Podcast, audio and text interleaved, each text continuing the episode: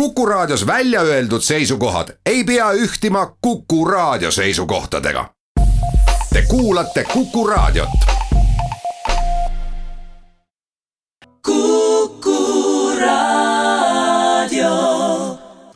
täna on meil Vox Populi eri, meil on äh, hea meel tervitada stuudios Eesti Evangeelse Luterliku Kiriku peapiiskopi Urmas Viilmat, tere päevast.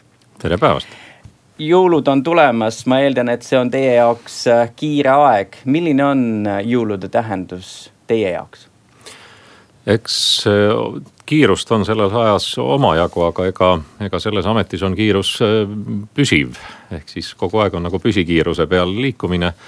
ja, ja muidugi siin raadioeetris tahan tunnustada meie, meie vaimulikke, kes, kellel see kiirus on hakanud juba peale, et, et kes sel ajal, kui kui inimesed hakkavad äh, rohkem kodudesse tõmbuma ja, ja oma argised askeldused sinnapaika jätma, siis, siis meie vaimulikel on tõesti kiire aeg ja, ja aitäh selle eest, et nad seda jõulurõõmu jagavad äh, igal pool üle Eesti. jõulude tähendus minu jaoks äh, on, on ajas natukene muutunud, et kui ma olin ise maakoguduse õpetaja, siis oli see, nii nagu juba öeldud, minu jaoks väga kiire, väga kiire aeg Äh, eriti kui me mõtleme selle äh, aasta peale, et selline aasta, kus äh, neljas advent on pühapäeval, esmaspäeval on jõululaupäev, teisipäeval esimene püha, kolmapäeval teine püha. ja siis on paar päeva seal vahel, mis tegelikult on ka kirikupühad, kahekümne seitsmes on Johannese päev ja kahekümne kaheksas süütelaste päev ja siis tuleb kohe jälle uus nädalavahetus, sealt edasi esmaspäeval kolmkümmend üks ja esimene jaanuar teisipäev. mis äh, maakogudustes äh, ja ka linnakogudustes tähendab tegelikult ühte jumalateenistuste ja palvuste maratoni. Äh, linnades on on kirikuõpetajaid rohkem, nad saavad oma, oma koormust ka jagada, aga, aga maal enamasti on tegemist ühe vaimulikuga, kes teenib mitut kogudust. siis see on väga väsitav ja ja kui ma ütlesin, et jõulude tähendus, kui ma olin maakoguduse pastor, siis, siis see tähendaski hästi suurt koormust ja väga väsitav oli. samas on alati rõõm ju olnud näha, et vähemalt sel perioodil inimesed ei häbene seda, et, et nad on elamas kristlikul maal ja, ja meil on kristlikud juured, et see on Äh, ütleme siis, see on see aeg, kus on äh, kõigil äh, lubatud justkui kirikus käia ja keegi ei pea piinlikkust tundma, sest muul ajal vahel inimesed seda teevad.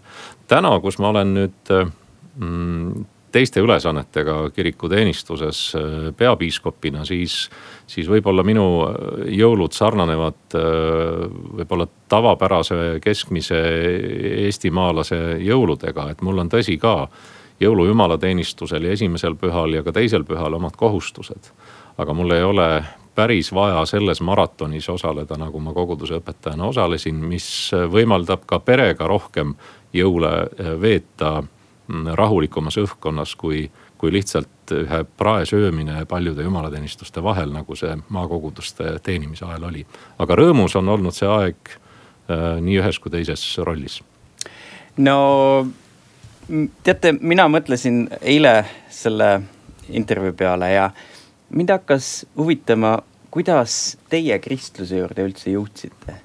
meil, kus, kas te saate sellele lühidalt vastata, kui te mäletate seda, ma tean, sellest ilmselt võiks rääkida terve loo, aga kas te mäletate seda hetke või kui vanad olite, mis tõid, tõid teid usu ja kristluse juurde? ma mäletan seda ja ma mäletan seda tänu sellele, et ma ei ole pärit kristlikust perest, ma olen tulnud äh, täiesti sellisest äh, tüüpilisest seitsmekümnendate aastate põlvkonnast, kus äh, kus minu äh, vanemad olid juba nii-öelda sõjaaja või sõjajärgse aja äh, lapsed.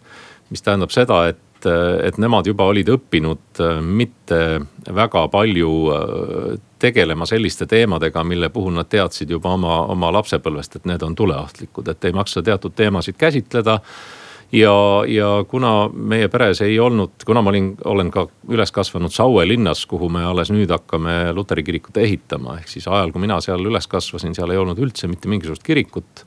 ma ei saanud ka kogemata kiriku juurde või kiriku taha peitu minna või uksest sisse piiluda.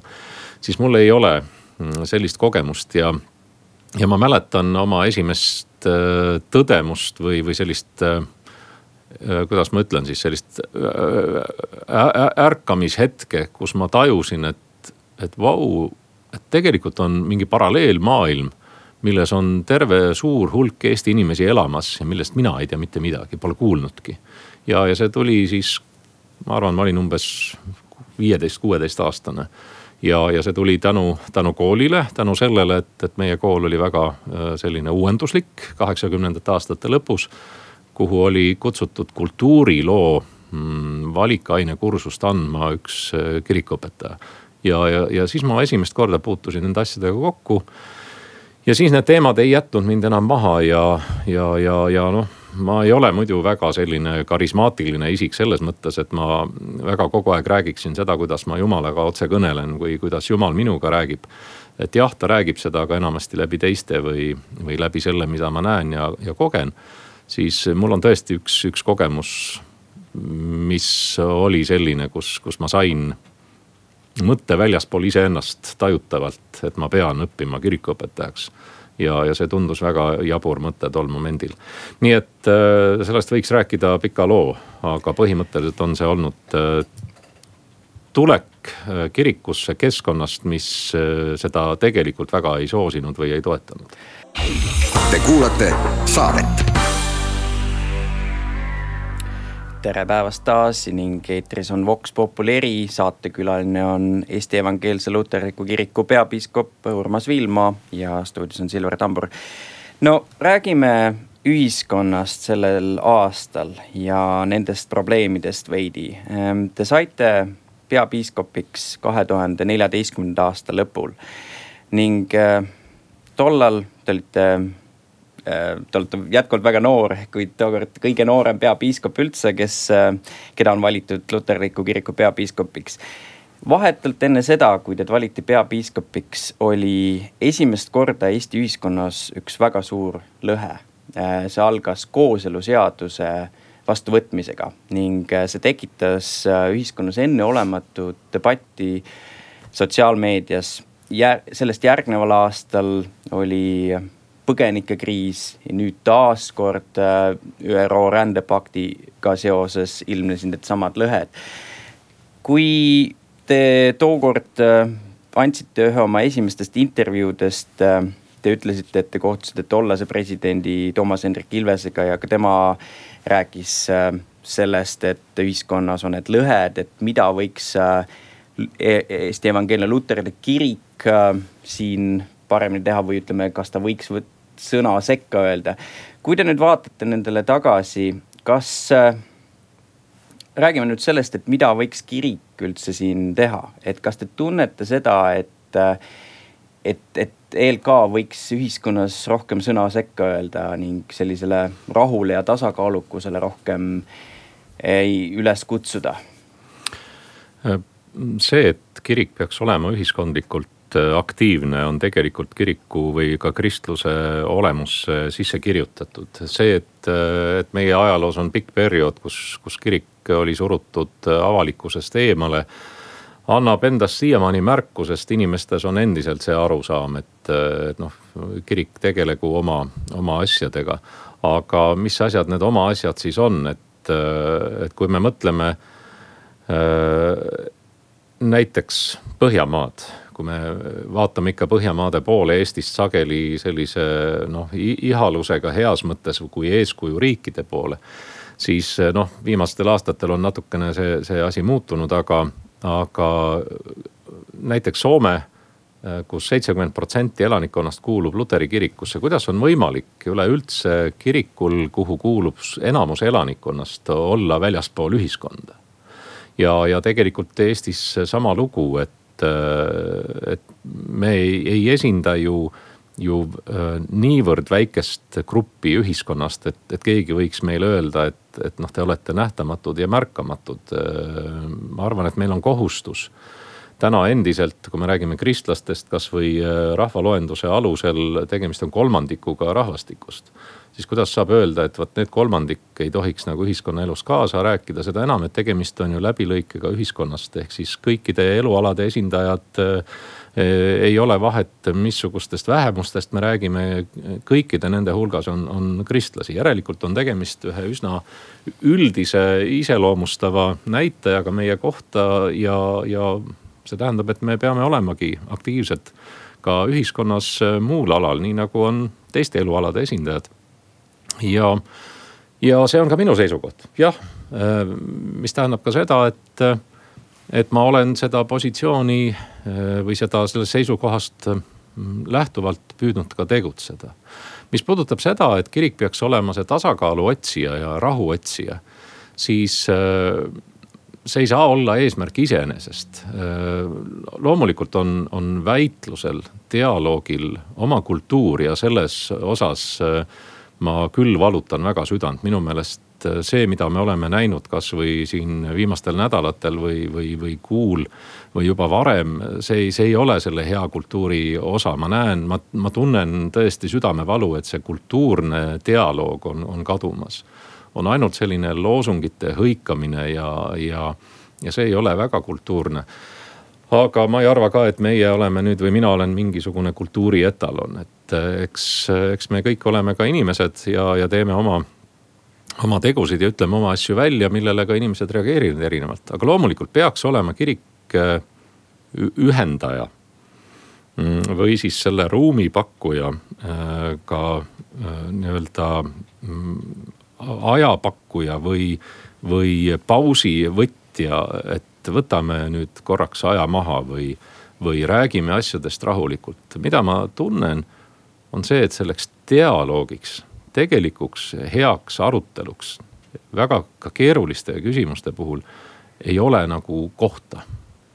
et, et kohe minnakse peale välja kujunenud seisukohtadega, mille sissejuhatuseks öeldakse, et, et need ei muutu siis ei, siis ongi juba läbi, dialoogi ei ole mingisugust arutelu ei ole ja isegi kui peaks, noh, mina näen head arutelu nõnda, et kui peaks ka mindama lahku pärast teatud dialoogi, teatud arutelu erinevatel seisukohtadel, siis tehakse seda lugupidavalt üksteise suhtes.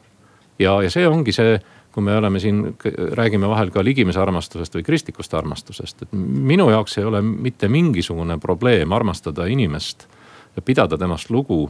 Äh, kui ta on minust täiesti kardinaalselt erineval seisukohal mingis küsimuses või, või ka maailmavaatelistes küsimustes. no religioosne otsing on alati ka identiteedi otsing ja noh, kui me räägime nendest segastest aegadest, kas ei peaks mitte just rohkem inimesi usu juurde tooma, et kas, kas te ei ole mõelnud sellest, selle peale, et ähm, teie sõnumid võib-olla isegi kui nad on head, nad ei jõua piisavalt äh, suure hulga inimest, näiteks noorteni äh,. Teil endal, ma tean, teil on kasutada Facebooki, aga, aga lühidalt äh,, kuidas teha, et, et, et see hea sõnum jõuaks paremini inimesteni Äh, selles on teil õigus, et äh, me oleme natukene järelsörkijad äh, suhetes noortega, kui ma ja ma pean siin silmas praegu Luteri kirikut. samas oli mul eile just kohtumine meie Luteri kiriku noorsootööühenduse inimestega ja me arutasime sedasama teemat, et kuidas jõuda noorteni või vastupidi. Kas noored võiksid tulla midagi kirikult küsima või, või nõudma või, või ka oma kohta nõudma. et me tahame ka olla kuuldud, me tahame, et meiega arvestatakse, et ma oleks väga rõõmus, kui see niimoodi juhtuks. saade.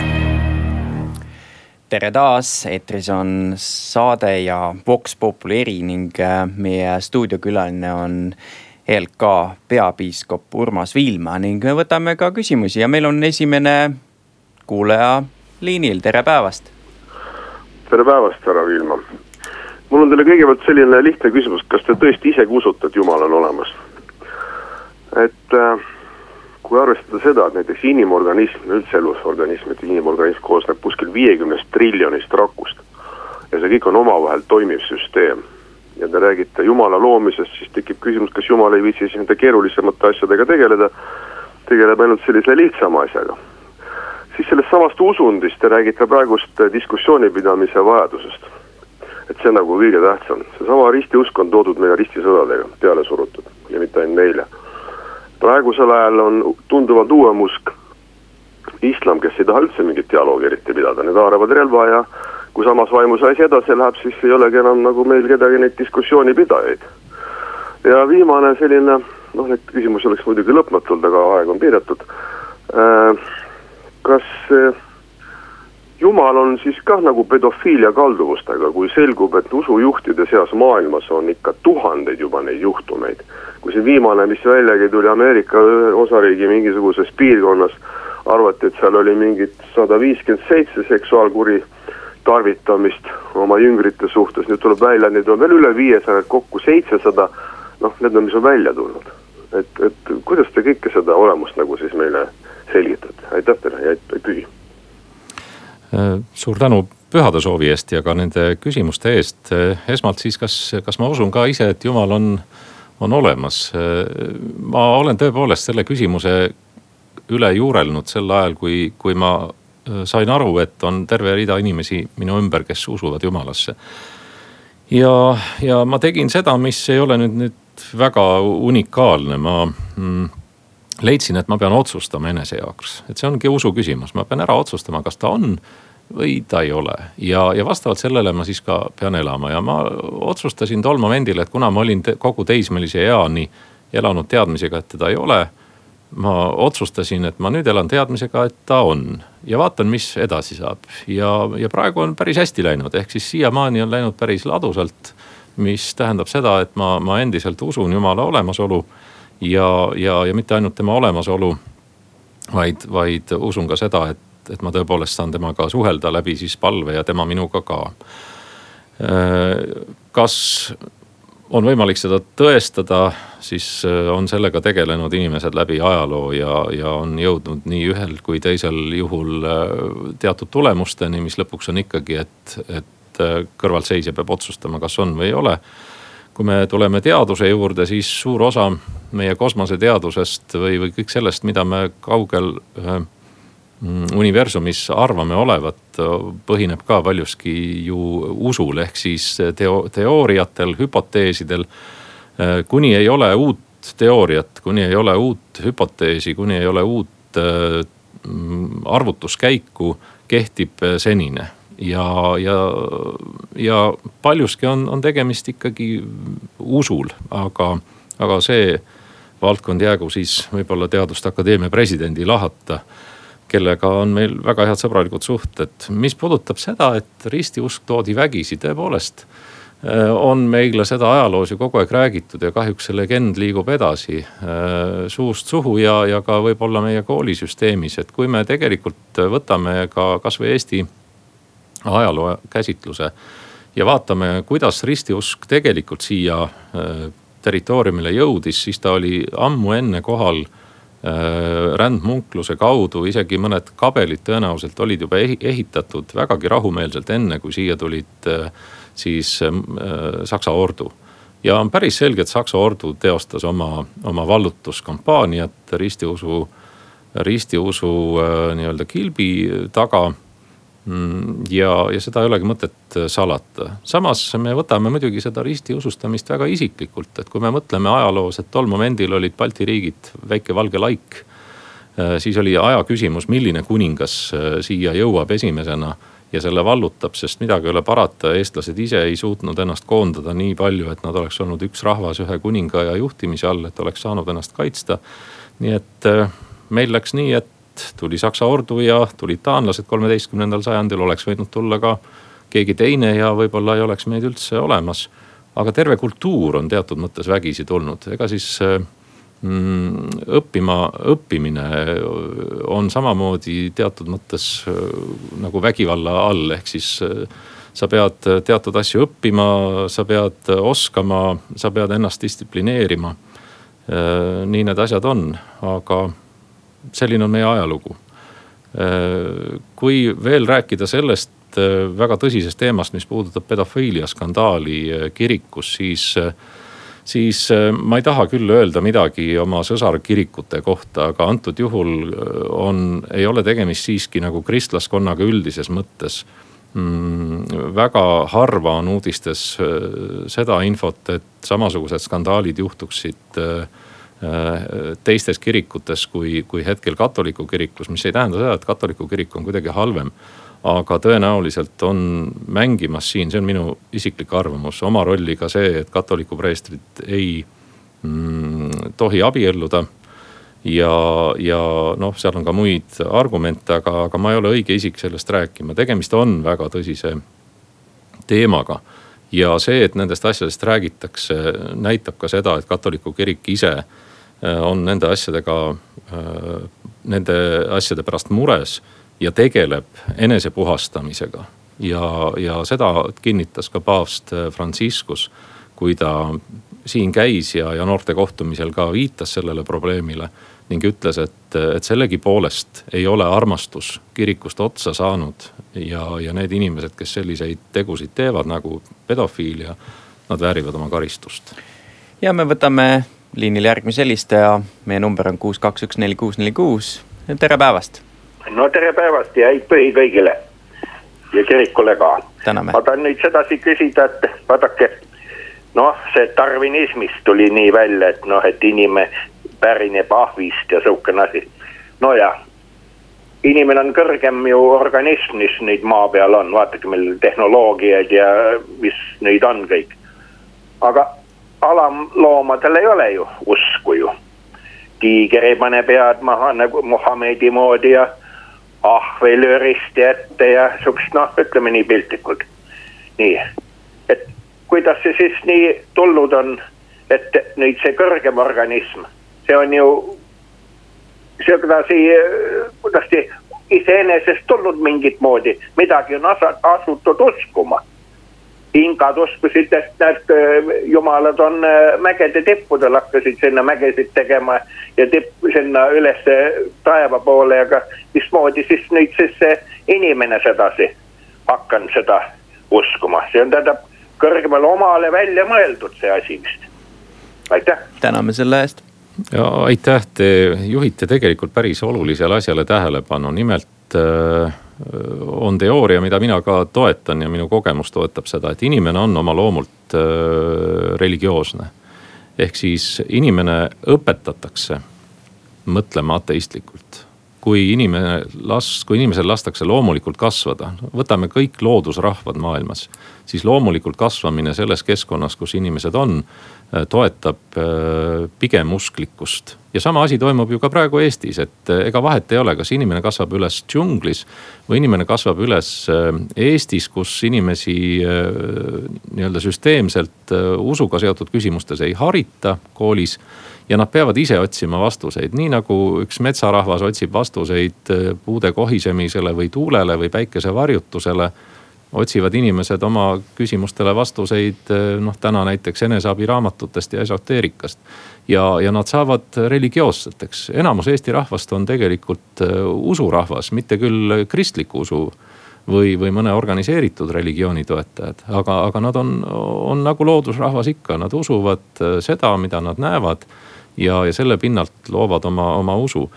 loomade puhul tõepoolest ei ole seda märgatud, kuigi Mm, kas see oli Uku Masing või, või keegi teine suur mõtleja küsis ka retooriliselt, et kas koer, kes kuu poole ulub või hunt, et kas see ei ole mitte omamoodi religioosne tegevus. aga sellele küsimusele vastust muidugi ei ole. Te kuulate saadet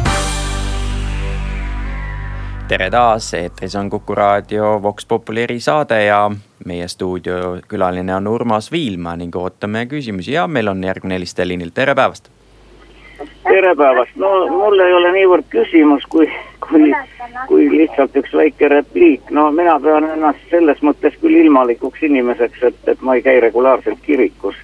aga kui ma sinna satun ja ma käin seal päris tihti, sest seal on muusikat palju, siis ma tunnen, et ma olen pärast seda Äh, palju parem. Ja, ja minu arvates, kui nüüd diskussioon läheb selle peale, et kas jumal on olemas ja, ja kus kohas ta on ja no, no see on nagu veidikese labasevõitu, et, et paratamatult ju kogu see Euroopa kultuur on ikka kristlik ja mismoodi see kristlus meile sattus, et see, see ei olegi nii oluline. Ja kui ma nüüd äh, võrdlen erinevaid kirikuid, no näiteks õigeusu kirikut, kus näiteks muusikainstrumente üldse ei kasutata, on ainult koor ja näiteks katoliku või siis ka luteri, siis noh, siin on ikka erinevus võimas. kui sa kuuled, kuidas orel mängib ja, ja, ja kui ma kuulen ka seda, mida siis pastor seal räägib, tavaliselt räägitakse väga väga tarka juttu, et, et äh, minu arvates on see äh, hingele äh, üsna, üsna kõva tugi, nii et noh, ma nagu kriitikuid, kes ütlevad, et ah, mis jama see on, no minge sinna ja kuulake ja olge lihtsalt omaette. mina tahtsin seda öelda ja selles mõttes ma sooviksin teile edu, sest minu meelest Luteri kirikus on noortele palju rohkem, kui on mõnes teises kirikus kasvõi sellepärast, et seal on erinevad muusikad ja muusika on see, mis ikka inimesi mõjutab, nii et aitäh ja ilusaid jõule. Suur tänu nende heade sõnade eest, aitäh ja teile ka kaunist jõuluaega. ja võtame järgmise helistaja, tere päevast. tere, head pühade tulekut, mul oleks üks konkreetne küsimus, et eh, öelge palun, kas Eesti Evangeelne Luteri Kirik institutsioonina vajaks samasugust seadust, nagu noh, on Tartu Ülikoolil, on Eesti Kontserdil ja kas see oleks vajalik, milline teie nägemus oleks? head pühad, head pühade tulekut, aitäh teile.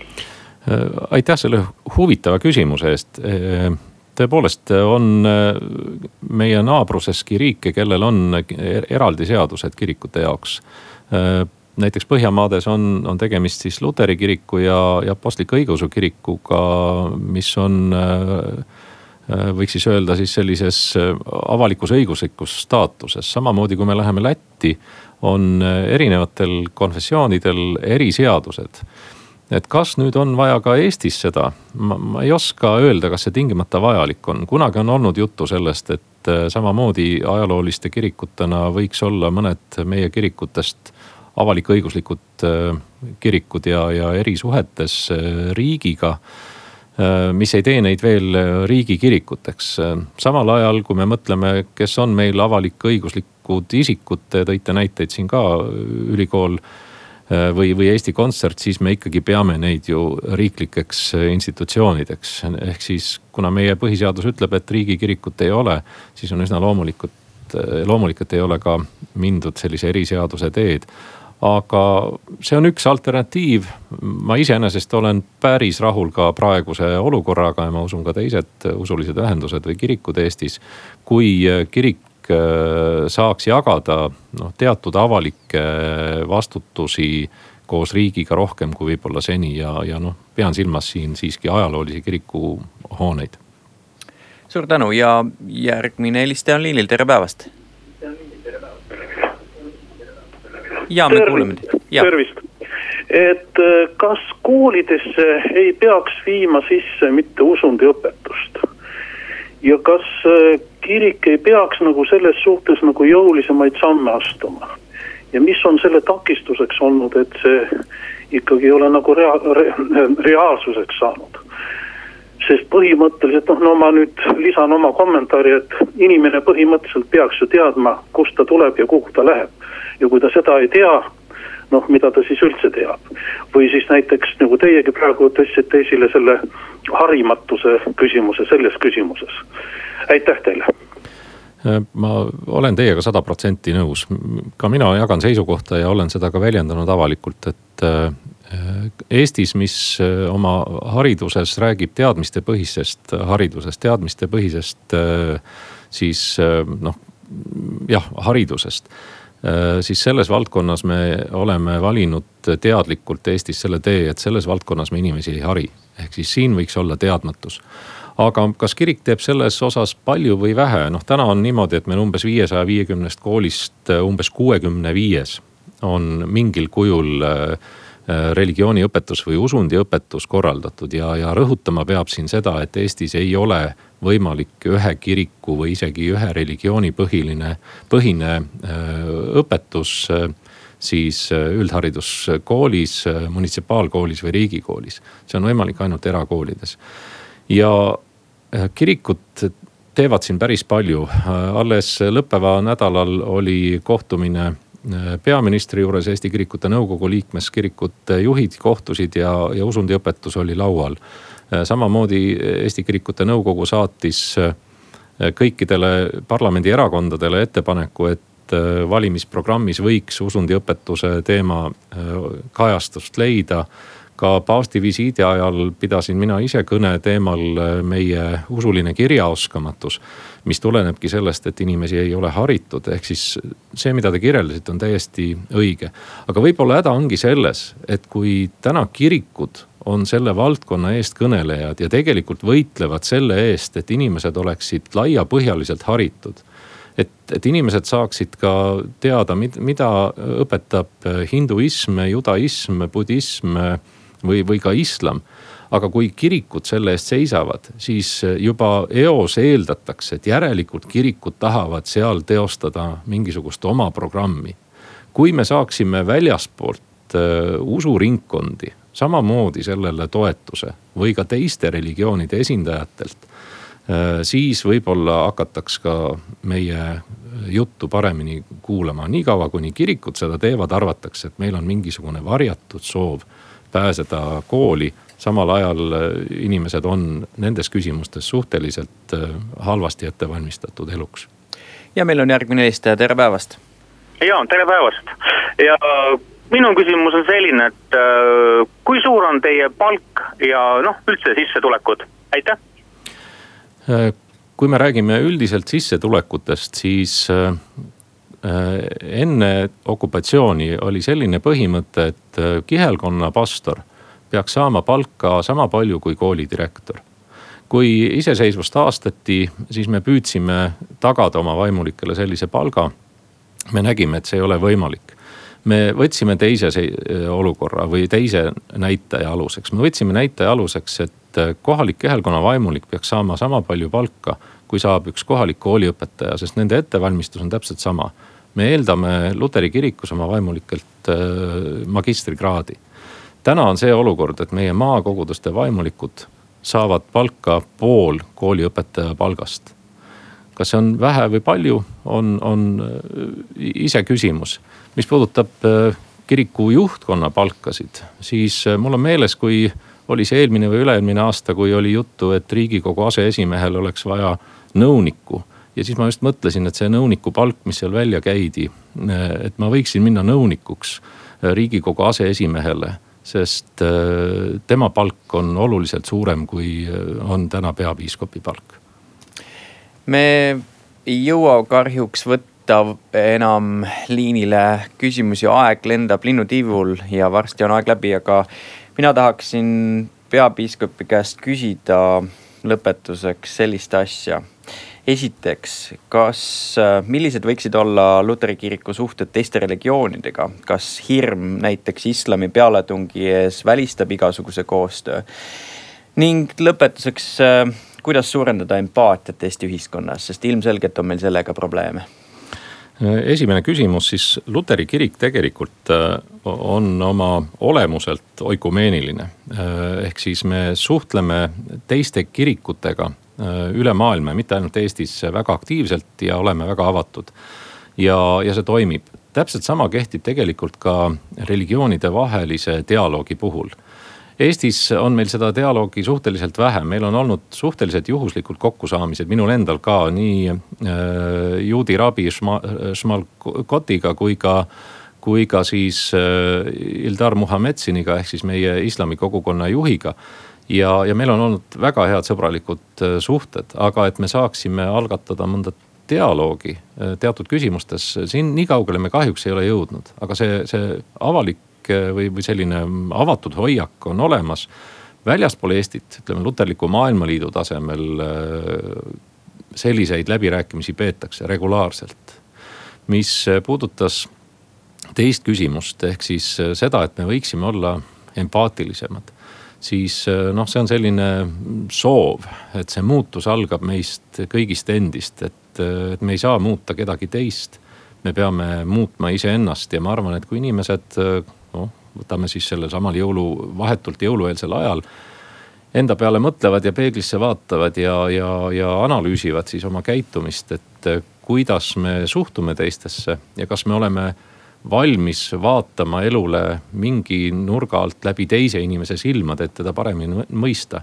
kui me juba selle mõtteni jõuame, siis ma arvan, me oleme sammukese empaatiale lähemal. aga ma olen nõus sellega, me peaksime olema empaatilisemad, mis ei tähenda seda, et ma pean nõustuma teise inimese seisukohtade või maailmavaatega, aga et teist inimest mõista ja, ja et me rahu, rahus võiksime üksteise kõrval elada. See, see olukord siis paraneks, ma arvan, päris märkimisväärselt suur tänu selle eest ja inimesed, kes soovisid veel küsimusi esitada, paraku aeg lendab kiiresti. kindlasti on see võimalus uuesti tulevikus meie stuudiokülaline oli täna Urmas Viilma, ELK peapiiskop. ma soovin teile rahulikke ja turvalisi jõule. suur tänu. ja peagi uudised. raadio Kuku